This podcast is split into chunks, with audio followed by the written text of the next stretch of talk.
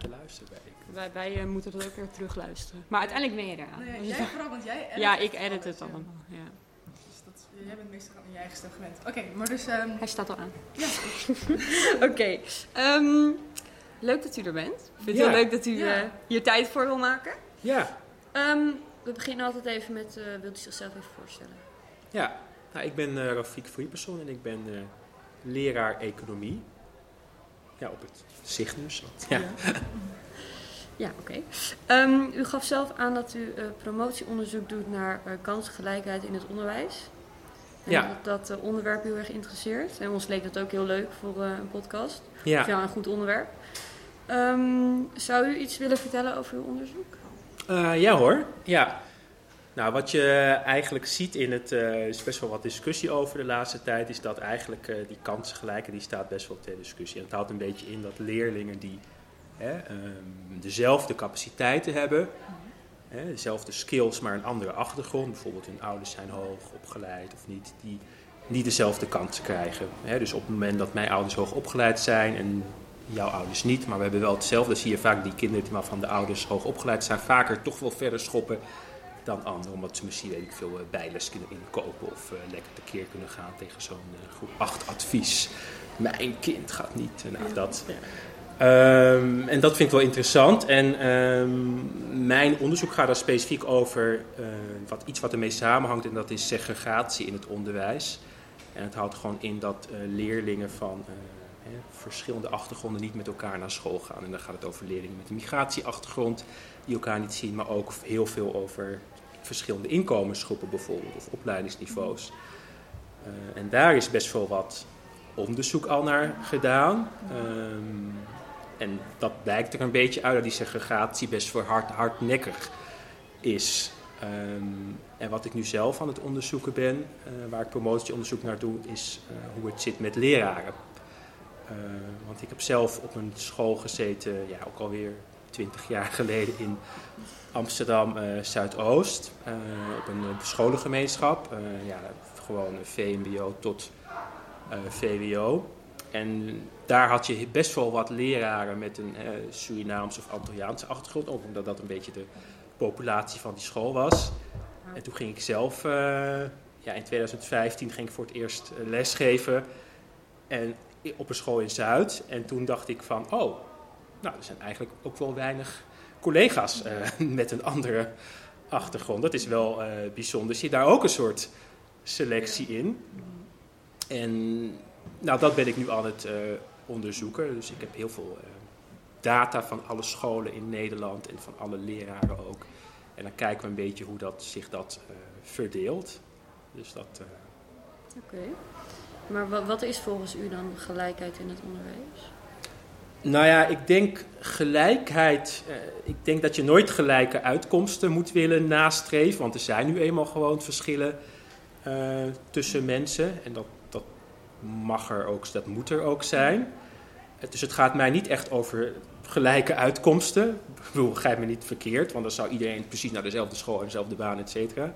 Maar ik denk dat het vooral gaat over gelijke kansen. Dus mijn ouders hebben geen eh, universiteit gedaan. Ik ben de eerste uit mijn eh, familie die dat is gaan doen. Ehm, maar dan zou ik eigenlijk precies dezelfde mogelijkheden willen hebben, of hetzelfde vertrouwen van docenten willen hebben als eh, kinderen van de ouders wel universiteit hebben gedaan. En wat je dan soms ziet, en ik weet niet, dat, daar is best wel wat onderzoek naar gedaan, dus we kunnen dat best wel met feiten onderbouwen, is dat kinderen van de ouders bijvoorbeeld niet eh, hoog opgeleid zijn, vaker dan toch een, een, een lager advies krijgen of minder vertrouwen van docenten. En dat, en dat is volgens mij staat haaks op kansengelijkheid, want daar, ja, dan hebben leerlingen letterlijk niet dezelfde kansen, maar die kansen hangen dan af van, eh, ja, van achtergrond, Ja.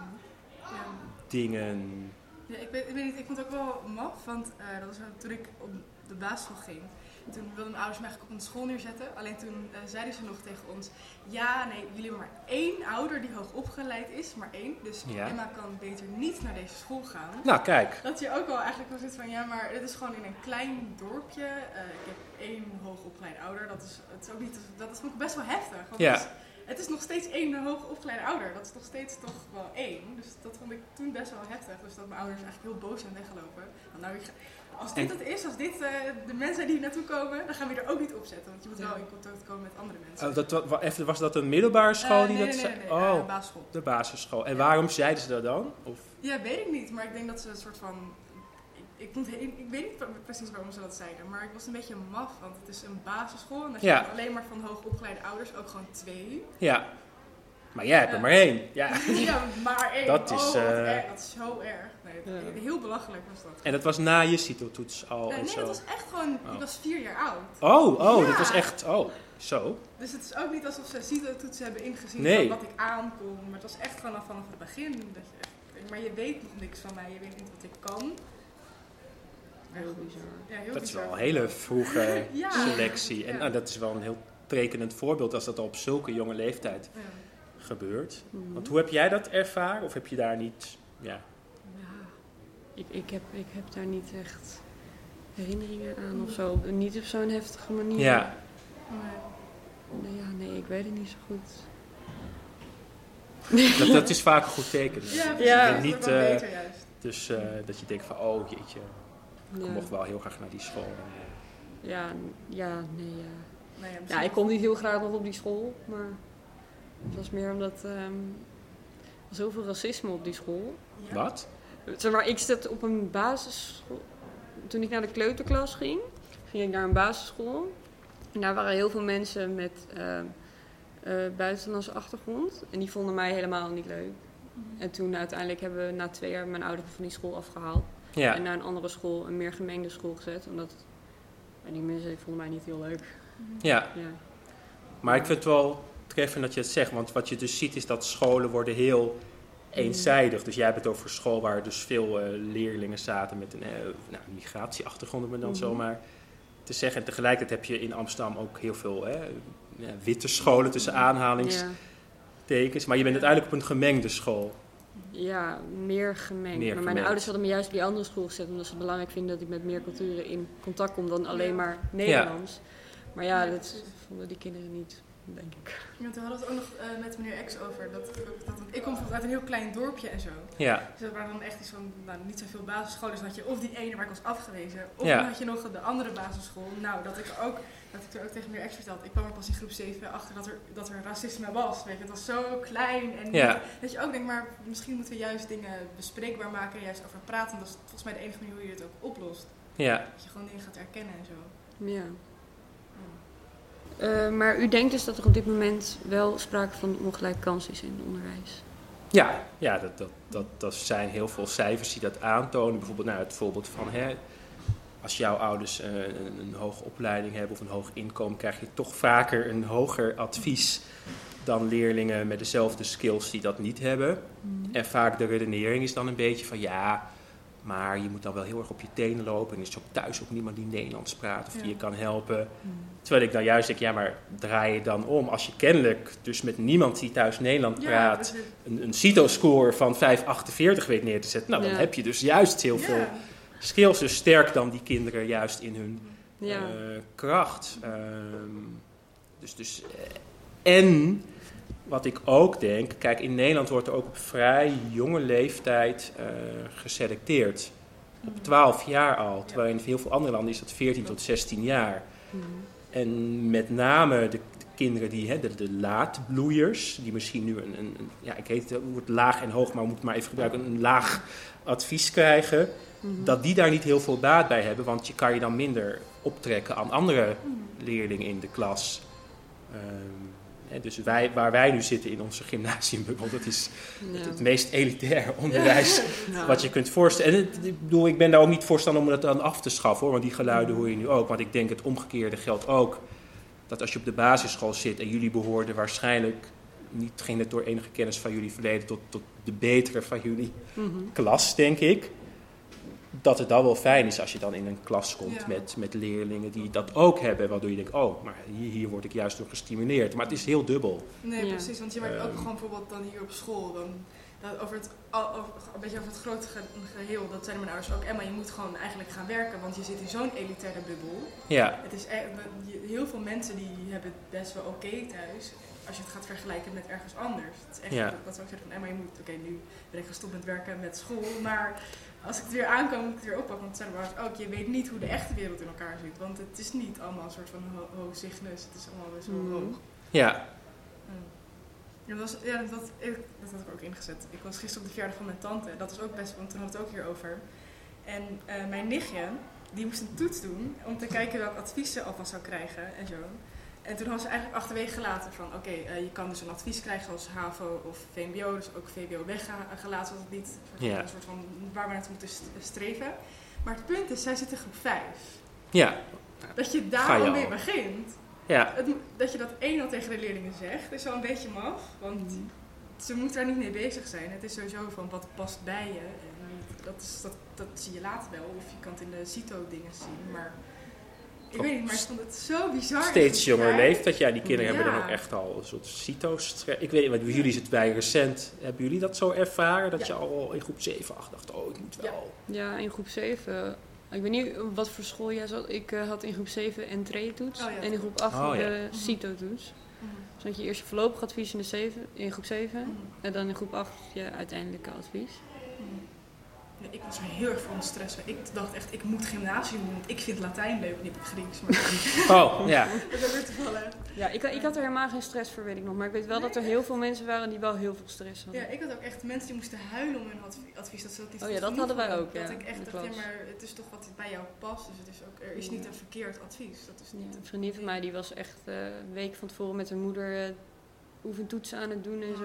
Oh ja. Toen heb ik één keer daarmee meegedaan, maar ik, ja, ik vond het een beetje onzin. En mijn moeder zei tegen mij weer, doe gewoon Nee. wat je kan en er komt Nee, wel goed advies ook- uit. Ja, klopt. En volgens mij was het toen ook, ook net een beetje aangepast dat je advies niet alleen nog maar afhing van de CITO-toets, Ja. maar ook wel van verdere Orde van een resultaten. docent. Een verder resultaat, ja. Ja, dus toen ging bij mij dan ook wel wat druk af. Nee, ik was gewoon heel erg van een perfectionist en zo. Van, oh nee, ik moet echt allemaal hoge cijfers staan voor alles. Dat is nu niet meer zo, maar...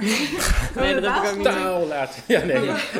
Dat weet ik nog wel. Ik had met mensen uit mijn oude klas het erover had. Dat ze, al dat ze ook al zeiden van, ja Emma, ja, jij was altijd zo heftig met, oh nee, ik sta hier geen negen voor, wat erg. En, en waar komt dat dan vandaan? Komt dat van thuis of, of van de Eh, maatschappij of je vrienden? Of wou je gewoon de beste zijn? Nou, weet ik niet, maar ik Ja. dacht, ik, ik dacht het, ging, het ging wel prima. Dus ik wilde toen niet per se heel, heel erg hoge cijfers halen. Ja. Nu heb ik dat echt totaal niet meer. Nee, ik ook niet.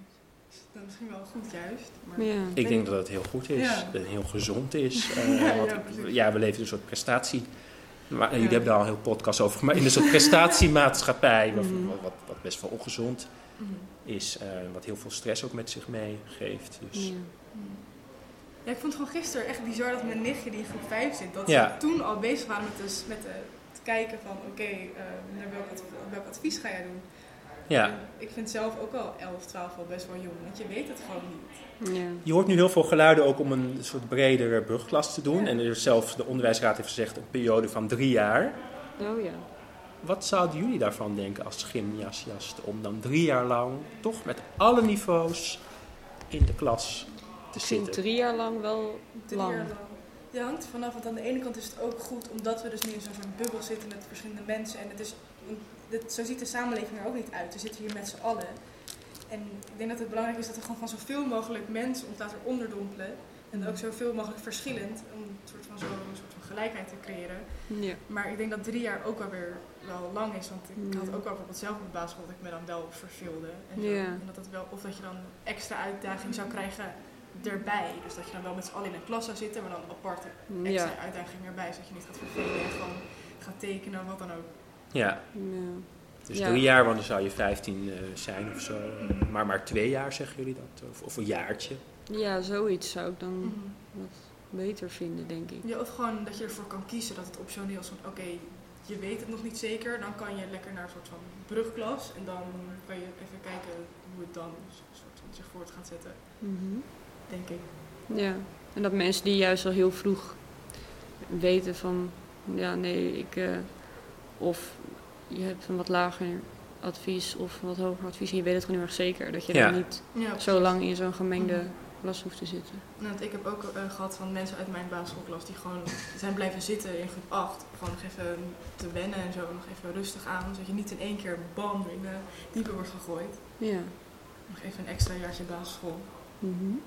Was het bij jullie trouwens ook echt een bewuste keuze om gymnasium Ja. te doen? Of, of was er ook nog ateneum? Of, of zeg maar- Ja, voor mij was het niet bewust gymnasium, maar ik kwam hier en ik vond het een hele leuke school. Ja. Oh, ja. En ik was ook wel perfectionistisch. Dus ik dacht, ja, nee, maar als VWO kan ik ook wel gymnasium. dat. Ja, Dat ja, dan mijn ouders die zeiden van, ja, ga lekker VWO doen, waarom wil je gymnasium doen? ja. Neem niet zoveel eh hooi op je vork. Ja, Maar, mijn ja. moeder ook. Die zei, weet je zeker dat je gymnasium moet doen, Emma? Je hebt geen idee hoe zwaar dat is. Dat ik nog dacht, van, nee, dat lukt me Ja, wel. precies, dat dacht ik ook. ik dacht, oh liever. Je weet niet waar je aan begon. Want jouw moeder heeft ook gymnasium gedaan. Eh, ja. Ik heb betrouwbare bron. In de vorige podcast gehoord. Ja. Oh ja. Mijn moeder heeft VWO gedaan. Oh ja. Eh, ja. Pu- Punt. Ja. Ja. Ja, Ja. goed. Ja, dit, dit Dat is dat, dat ja. is wel de bedoeling, toch? Ja. Dat is wel de bedoeling. ja. Echt, is dat echt een ding? Dat je dan zegt, je moet dan ook? Of Oh nee, van de... Oh, oh nee, waar bedoelt het over? ook dat je zegt, dat is de bedoeling Oh nee, de van... bedoeling van dat je erachter zet, ja punt. Ja, Ja, oh, maakt het niet Oh, oké, nee, ja. Ja, punt. Oh, dit wordt zo geknipt. Ja. Ja. Zie die Oké. schaar gewoon. Nee. Ehm, eh, waarom is het zo belangrijk dat er kansgelijkheid is in het onderwijs? Ehm, nou ja, ik denk dat als je alle talenten die een maatschappij heeft goed wil benutten, dan moet je dat na willen streven. Mhm. Ik denk wat je heel erg ziet en wat je bij de coronacrisis hebt gezien, dat er echt een tweedeling ontstaat in de maatschappij tussen mensen die eigenlijk eh, niks aannemen van wat de overheid zegt of de wantrouwen hebben naar de wetenschap, et cetera. hè. Zij in Den Haag doen allemaal hoogopgeleide mensen die eh, weer hetzelfde kabinet smeden als de vorige keer. En, eh, nou, dat soort dingen. En tegelijk, dus, dus, dus, het- het, het soort van onbegrip tussen verschillende groepen. En ehm, ik denk dat je dat ook kan tegengaan door mensen het. Nou, ik, loop een beetje vast, merk ik. Ik denk dat verschillende groepen komen elkaar steeds minder tegen. En dat heeft ermee te maken dat je al op vroege leeftijd wordt eh, geselecteerd. Dat misschien als jouw ouders hoog opgeleid zijn, dan ga je ook naar de universiteit, naar het VWO, et cetera. En als je dat niet hebt, dan zie je dat steeds minder. Ehm, en ik denk dat, dat je daardoor dus die verwijdering krijgt in de samenleving van verschillende groepen. Dat mensen komen elkaar niet meer tegen, ja, met alle gevolgen van eh, dien. Mhm. Ja, ik vind het best wel shocking eigenlijk. eh. en, en, en, hè, wie, wie heeft dat? eh Joris Luijendijk heeft laatst het boek geschreven over de zeven vinkjes. Misschien hebben jullie daarvan gehoord. eh. Ik niet. Oh, nou, als- als je zeven vinkjes hebt, eh, wit, Oh, dat ik wel man, gehoord, gym- oh, kijk, daar gaan we. Gymnasium of VWO, ouders hoogopgeleid, ouders Nederlands, et cetera. Dan behoor je dan tot, ja, volgens mij is het maar 2 of 3 procent van de Nederlandse samenleving die het heeft. Want de helft valt er af omdat je het vinkje man Ja. aanzet. Ehm, maar het idee daarvan is een beetje dat die groepen het dan veel makkelijker hebben dan andere groepen. En dat zijn ook vaak de groepen die aan de knoppen zitten in de grote bedrijven, journalistiek, media, politiek, et cetera. hè. Dus alle premiers van de afgelopen zoveel jaar hadden zeven vinkjes. Terwijl er totaal geen afspieging is van de ehm, Nee. Mhm. bevolking. Ehm, maar die zoeken elkaar wel heel erg op. Mhm. En ik- ja, ik denk dat als je misschien dingen gaat doen als een bredere brugklasperiode of zo, of latere selectie, dan, dan voorkom je een beetje dat mensen heel erg in hun eigen bubbel zitten. Want dat is wel wat, wat steeds meer eh, gebeurt. Dat, eh, En dat is dus een gevolg van de ongelijkheid in kansen en het selecteren.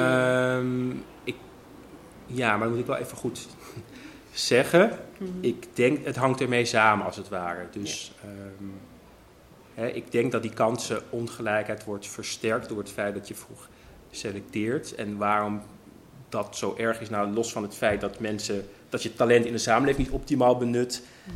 heeft het ook gewoon nog een sociale component dat verschillende groepen elkaar nauwelijks tegenkomen. Ja. Ehm, dat we in onze eigen bubbel eh, zitten.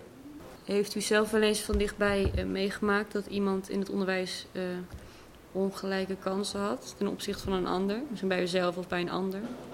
U... Nou ja, mijn broertje, dat is wel een tekenend voorbeeld. Die, eh, die is zeven jaar jonger dan ik. Maar die kreeg op de basisschool een, eh, ja, volgens mij praktijkonderwijs was het. En uh, die juffrouw zei, je gaat nooit hoger dan dat halen. Terwijl wij echt nou, het is gewoon een hele slimme jongen en wel best wel druk of zo. Of maar niet per se praktijkonderwijs. Nou, dat, dat kan toch echt wel beter. En toen zijn wij uh, in gesprek gegaan. Dus ik en mijn vader waren dat destijds. Uh, met uh, de juffrouw om het toch een soort verhaal halen. Mm. En toen werd het toch wel een soort van bijgesteld. maar daarvan bedenk ik wel van ja. En dat is dan toevallig omdat hè, ik dan net studeerde en mijn vader wel HBO opgeleid is. Maar ik kan me ook voorstellen als je ouders geen Nederlands praten of niet uh, een opleidingsniveau hebben om dan in gesprek te gaan met mm. de leerkracht, dat, dat, dat zo'n advies voor zoete koek wordt geslikt. En ja, die onderadvisering, daar zijn best wel wat voorbeelden uh, van. Hè, dus, dus ik denk van ja, ik, ja er zijn wel meer uh, voorbeelden wat blijkt dat dat, ja, dat, dat het dus echt gebeurt. Eh, vorig jaar is ook die documentaire Klassen. Dat ik net aan u gaan vragen of u die ook had gezien. Ja, die heb ik gezien. Ja, en daar zie je dat ook heel tekenend gebeuren. Want dan heb je twee scholen. Mhm. Dus je hebt veel meer scholen, maar twee scholen die ik heel erg typerend vind in Noord. Eentje met heel veel hè, kinderen van uh, hoogopgeleide ouders en allemaal toneelclubs. En heel veel geld naar die school. Zo'n leuke school, fantastisch. En nog een andere school uh, waar twee van die ja, juffrouwen al 40 jaar staan te buffelen met allemaal kinderen, met allemaal achterstanden en problematiek thuis. Waarvan ik denk, dit kan het onderwijs überhaupt niet oplossen. Maar goed, je krijgt het wel op je bord. Uh, maar die, die hebben het veel lastiger misschien om, om dan zo'n hoog advies te krijgen. En dan krijg je toch wel, wel ja, doe toch maar hè, HAVO, ja. want ja, thuis toch wel moeilijk, Nederlands en eigenlijk niet zoveel geld. Dus, en dan kijken we wel hoe het uh, verder gaat. Dus, en daarvan denk ik van ja, dat kan voor sommige kinderen best wel een soort van traumatiserend mm. zijn zelfs. Uh, want er wordt zo een stempel, denk ik, op je ja. gedrukt. Mm. Dat, dat is ook zo van, hè, jij, dit is wat jij dan waard bent of kunt. En dan, kom je, dan ga je naar uh, zo'n klas toe en dan, dan ga je daar ook heel erg in geloven, terwijl je misschien veel meer wil. Het is ook een beetje dubbel, want tegelijkertijd heb ik heel erg moeite met de woorden lager en hoger. Ja. Ja. Want stel je voor, ik zou bakker willen worden bijvoorbeeld. Ik ga echt een passie hebben daarvoor. Maar dan krijg ik een VWO-advies. Eigenlijk is dat helemaal niet de route om bakker te worden per se. Dan kan ik beter een praktijkopleiding doen bijvoorbeeld. Dus maar dan wordt ja, maar je moet zo hoog mogelijk, hè, want je hebt de capaciteiten. Denk, ja, dat het hele hoger en lager. Volgens mij moet je gewoon zeggen, ja, je hebt mensen die iets praktisch willen doen of een beroepsonderwijs. en mensen die wetenschappelijk onderwijs willen doen. Of, mm. ja, want heel veel uh, ja, mensen die op het VWO zitten, die gaan echt niet allemaal de wetenschap in. Dat, nee. nee. 5% of zo. 1 op de 20. Nee, dat denk ik ook niet. Maar het is gewoon het hoogst haalbaar. Dus dat, en dan ga je naar de universiteit. Ja. Dan moet je er alles uithalen. Wat je wil er alles uithalen. Ja, ja, ik denk dat we een beetje gewoon moeten eindigen naar een soort samenleving waar je gewoon, oké, okay, als je wil je veel leren en zo wil je er hard voor werken, dan kan je dat doen. Ja. En dan mag je dat ook doen, als je denkt dat je dat aan kan. Maar het is ook niet verkeerd om lekker met je handen te werken, want er, volgens mij is ook heel erg arbeidstekort ook op dit moment, volgens mij. Ja, er is heel veel tekort aan ja. vakmannen gewoon. Ik uh, bedoel, niemand kan een uh, band plakken, maar we hebben... Nee. Uh, ja, ja, iedereen kan coachen bij wijze van... Hè, de helft van Nederland coacht de andere helft. Maar uh, loodgieters of een... Uh, die hele slechte coaches, die is zo grappig. Op um, Instagram en zo heb je allemaal van die hele rare jongens van in de twintig en die zitten allemaal... Oh, hoe word je miljonair? Ja. Dat oh ja, nou, dat, dat is zo erg. ja, daar, daar is niet echt behoefte nee. aan. Uh, nee, maar gewoon aan praktische dingen inderdaad. Wel, ik zou het fantastisch vinden als op, als op het Cygnusbehoefte een praktisch vak wordt. Mm -hmm onderwezen. Ja, we hadden techno-science, wat eigenlijk ja. maar, dat, maar dat was... Het was alleen in de tweede, toch? Dat was in de eerste was dat alleen. Oh, dat was eerste, gewoon, ja. was gewoon een soort van een dobbelsteen van hout maken. Zo. Dat was ja. best wel leuk, maar dan noem je het nog steeds techno-science. Ja. Ik dacht wel lekker een soort van, hoe noem je dat? Handarbeid. Ja, handarbeid. Nou, nou bijvoorbeeld, ja. why not? En waarom niet Latijn of Grieks op een VMBO? Ja. ja als je dat of gewoon helemaal afschaffen. Of helemaal af. Nou, dat, dat, uh, nee, oh, dat, dat zou, vloek in de kerk, ja, denk ik. Ja. nee, maar precies, als je dat zou willen, dan zou toch die optie er moeten zijn. Ja. Als je Latijn of Grieks Als keuzevak. Ja. ja. Als je die extra uitdaging wil, wie ben ik om jou tegen te houden? Ja. Ik denk dat je het onderwijs er veel rijker maakt, want al die vakken die, die zijn zo theoretisch. Ik bedoel, ja, goed. Hè, allemaal heel leuk onderwijs bieden hier, maar het komt toch vooral neer op gewoon zitten, schrijven, opdrachten maken, toetsen maken. Terwijl inderdaad je een praktisch vak hebt of iets anders, dat, dat maakt het afwisselender. En misschien is het ook een eye-opener voor, voor heel veel mensen die zeggen van ja, ik hoef eigenlijk niet naar de universiteit, ik wil gewoon lekker naar de hotelschool of Ja, ik wil precies. lekker eh, Mhm. iets anders doen. Hm, Probeert u zelf op een bepaalde manier iets te doen aan de kansenongelijkheid? Nou ja, door, door onderzoek naar te doen, door erover, eh, nou ja, door aan jullie podcast eh, Mhm. deel te nemen. Dus ehm, ja, in die zin. Ja, en het- tegelijk denk ik van, hè, ik wil eerst wel zelf, nou, wat erover publiceren of wetenschappelijk, voordat ik zelf allemaal meningen ga lopen spuien. Ik heb er wel meningen over. Mhm. Maar op die manier hoop ik mijn steentje bij te kunnen eh, dragen. Ja, dat, dat zeven vinkjesverhaal heb ik met mijn derde klasse bijvoorbeeld gedaan. En daar heb ik dus ook een beetje gezegd van nou, we zitten allemaal in onze Cygnus-bubbel hier. eh. dus op een gegeven moment, ja, hoeveel vinkjes heb jij? Ik zeg, ja, dat is dus niet precies waar deze les over gaat. Eh, dus op die manier eh, toch een soort steentje Mhm. bijdragen. Zijn er dingen die u dan eh, misschien als tip zou kunnen geven aan onze luisteraars? Van eh, misschien iets wat ze zouden kunnen doen of ergens kunnen letten, zodat om het probleem, om bij te dragen aan het oplossen van het probleem? Ehm, nou ja, ik, ik, ik denk. ehm, ik denk dat, dat. Ik vind leerlingen hier heel ontvankelijk en open voor andere gedachten. Ja, en dat soort dingen. Ik denk dat het gewoon helpt af en toe om je ook in, in andere mensen te verplaatsen, in andere mensen hun schoenen eh, te staan. En wat jij zegt, als je, als je dan een bijbaan ergens hebt, ja, dan kom je niet alleen maar gymnasiasten Nee. tegen. Dus praat dan ook eens met die collega die daar 40 uur werkt en hoe ervaart zij of hij of zij dat en wat is het verhaal van die persoon. Ik denk dat het heel helpt, dat het heel goed helpt om verhalen uit te wisselen met andere mensen die niet per se op het gymnasium zitten of in die achtergrond hebben, maar iets Ja. heel anders Ja. doen. Want dat maakt het alleen maar, eh, ja, het leven alleen maar rijker, denk ik. eh. ja. Maar we hebben het er al een beetje over gehad. Maar Ja. wat zou eh, de maatschappij volgens u nou moeten doen om dit probleem een minder groot probleem te maken? Ehm, allereerst erkennen dat het een probleem is, want daar ontstaat vaak ook nog wel discussie over, ook onder ja, collega's hier, denk ik. Eh, dus, want ja, is er dan kansenongelijkheid? Je kan ook zeggen, nee, dat, is er helemaal niet, want een kans is altijd, een kans is per definitie niet gelijk. Dat soort dingen krijg je dan. Ik, ja, dat, dat klopt wel. Dus, ehm, en ja, ook, ook rekening mee houden misschien dat ehm, als je geen ouders hebt die VWO of gymnasium gedaan of hoog opgeleid zijn of die dat boekenkasten vol hebben, wijze van spreken, of thuis Nederlands praten, nou, het allemaal voorbeelden, dat, ja, dat je dan van een stuk verder moet komen om een bepaald niveau neer te zetten dan kinderen die dat allemaal wel hebben.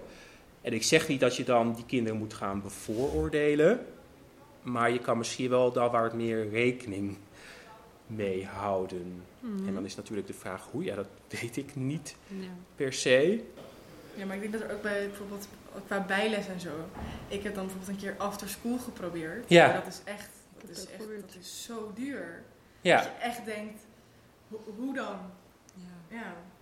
Dat ik, dat ik ook zo tegen mijn ouders zei, nou, dit, dit gaan we niet doen voor dit geld. En voor, dit, voor ditzelfde geld ga ik wel thuis gewoon Ja. leren. Ja, sorry. Dan moet, je, Ja. dan moet je nagaan, dat is echt best wel een ding. Ja.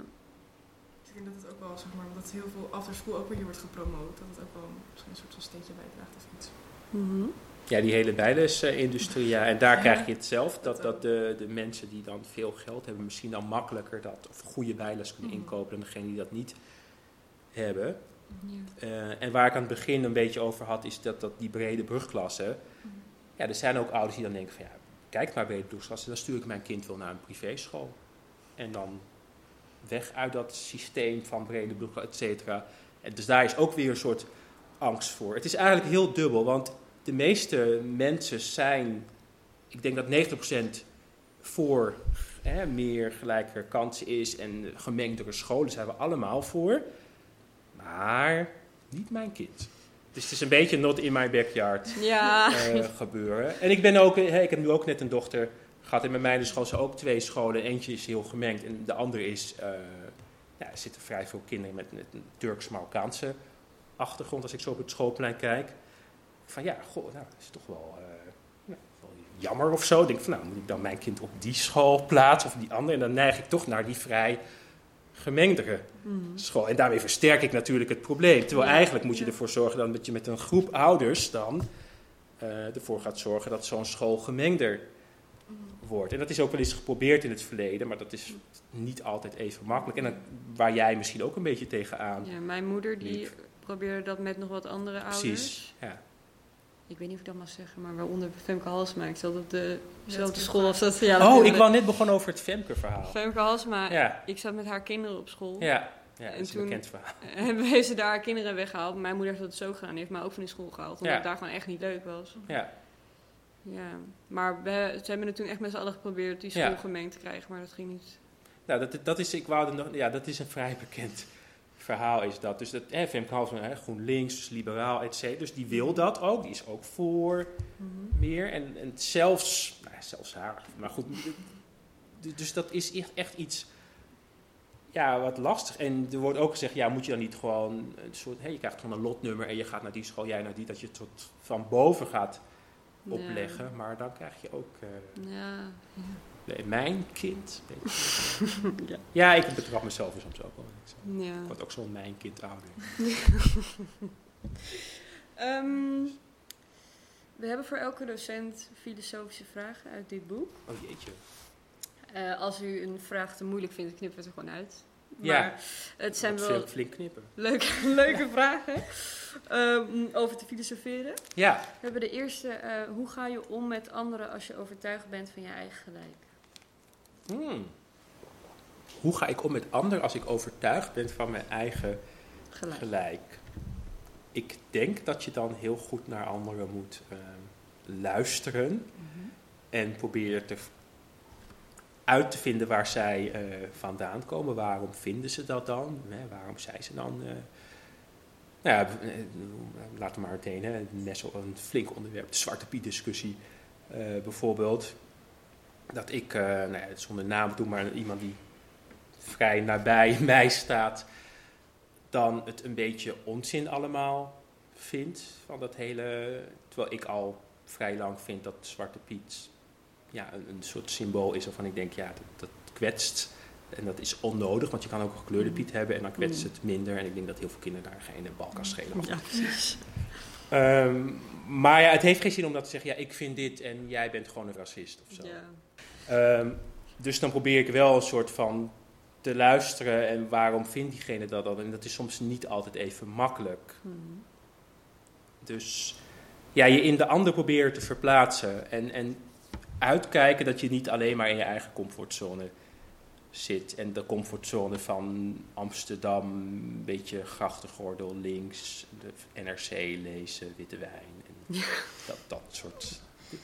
Ja, dus ook gewoon een keertje wel dan eh, een, een, de Telegraaf lezen, bij wijze van spreken. Of, of, Ja. of eh, naar VI International kijken, waar foute dingen worden gezegd. Maar wel 3 miljoen Nederlanders dagelijks. Dus, het, Mhm. dus ja, dat. Luisteren naar de ander, verplaatsen. En dat is allemaal niet zo makkelijk als het klinkt, denk ik. Maar ja. Wat zou je dan kunnen leren van opvattingen waar je zelf niet achter kan staan? Ehm, ik, ja, dat is wel. ik denk dat ik misschien andere mensen daardoor beter kan begrijpen. Want er zit altijd een verhaal achter iets.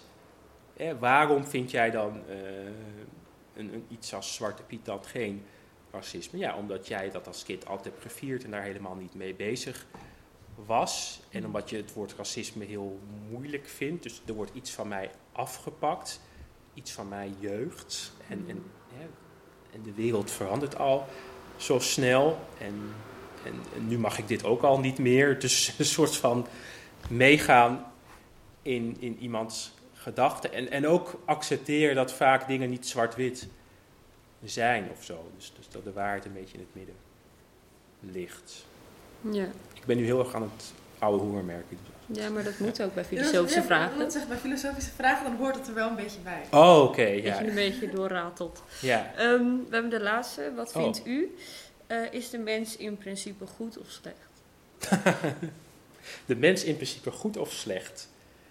Ik, ik denk dat de mens eh, goed is. Maar dat hij misschien soms wordt gedreven door slechtheid, door de omstandigheden waarin de mens verkeert. Als de mens in het nauw wordt gedreven of uh, moet opkomen voor zichzelf of heeft, uh, ja, voelt gevaar aan, dat ga je misschien dingen doen om andere mensen het moeilijk te maken. Dus dan word je slecht. Maar ik, ik geloof echt in de goedheid van de mens. Ook als ik kijk naar hè, jullie jonge generatie en hoe jullie dan bezig zijn met sommige thema's als klimaat en gelijkheid en, en de discussie die u hebt rondom het, het, omgaan met vrouwen bijvoorbeeld, hoe dat, dat, ja, dan denk ik wel van,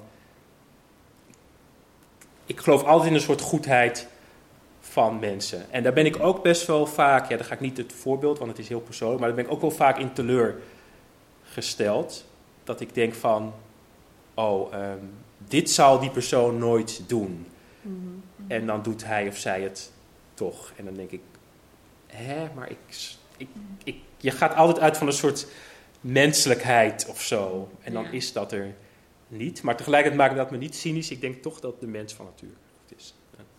Ja. Nou, ja. bedankt uh, voor het interview. Ja. Uh, heeft u nog vragen aan ons of opmerkingen? Mag over alles gaan. Hoeft niet eens hier of hier te gaan. Mag wel, maar... Oh, um, opmerkingen, vragen. Nou, we, we, jullie maken nu deze podcast al een jaar, denk ik? Of, Ja. uh, Al meer dan een jaar. Al meer Ja, dan een jaar. Ja. En wat is jullie droom met de podcast? Als jullie... We willen heel graag eh, toch wel op een gegeven moment echt... eh, ja, hoe zeg je dat van, van betekenis? Dat je een verschil kan maken of zo. Ja, dat je dat mensen kan wel, ja. helpen. We Ja. willen in de toekomst ook een eh, audiodocumentaire gaan maken over mentale gezondheid. Ja, En mensen aansporen daarover te praten en zo. ja, Dus dat gaan we in de toekomst doen. En ik denk dat er nog wel veel meer aankomt qua Ja. audiodocumentaires en dat soort dingen. Ja, en ik vind ook gewoon dit soort interviews, daar leer je ook gewoon als mens best wel veel van. Ook gewoon hoe Mhm. andere mensen, wat ze belangrijk vinden en waarom eigenlijk. ja. Ik dat, dat vind ik ook wel best wel gaaf eigenlijk, in onze Mhm. podcast. Leuk, ja. het is Dus, ook leuk dat mensen ehm, dingen kunnen beluisteren over eh, wat onze generatie bezighoudt. En daar Ja. dingen over kunnen leren. Dat is Ja. standaard dan. ja, maar het is wel zo. Ja. nou, leuk hoor. Dus enerzijds persoonlijk, maar hè, dat je er zelf heel veel aan hebt. Maar anderzijds ook de, de wereld Ja, precies. veranderen. Ja, ik vind het een heel mooi initiatief. Ik moet zeggen, ik heb alleen eh, een stukje van... Nou, ik heb Simon helemaal afgeluisterd. Mhm. Hij begon met een appel eten. Ja, oh ja. Ja, maar ik vind het leuk. En dit seizoen doen jullie dan vooral leraren of docenten interviewen, neem ik. Of, ja, op dit moment zijn we heel veel docenten aan het interviewen. Maar meestal doen we ook wel gewoon met z'n tweeën praten. ja, En we willen ook wel, denk ik, eh, leerlingen gaan interviewen. Ja, precies. En mensen buiten school, lijkt me ook wel leuk. Nou, dat lijkt me eigenlijk ook wel grappig om dat eh, te doen. nou leuk hoor. Ja, dankjewel. Ik hoop dat jullie wat eh, hebben aan dit eh, onderwerp. Ja, zeker. Ja. Ja, Ja. en heel erg bedankt dat u eh, mee wilde doen. Ja, nee, graag gedaan. Ja. Ja, ja, ik bedoel, ja, goed. Het is een investering, hoop ik. eh, Ja, ja, ja, ja. Ja, ik dan over tien jaar kan zeggen, ik was een van die. ja precies. Ja. Precies. Ik heb ze nog gekend. Da- Daar, daar gaan we voor. Zodat nog- eh 1 miljoen... eh, Luisteraars. kleinschalig. ja. Komt goed. Leuk.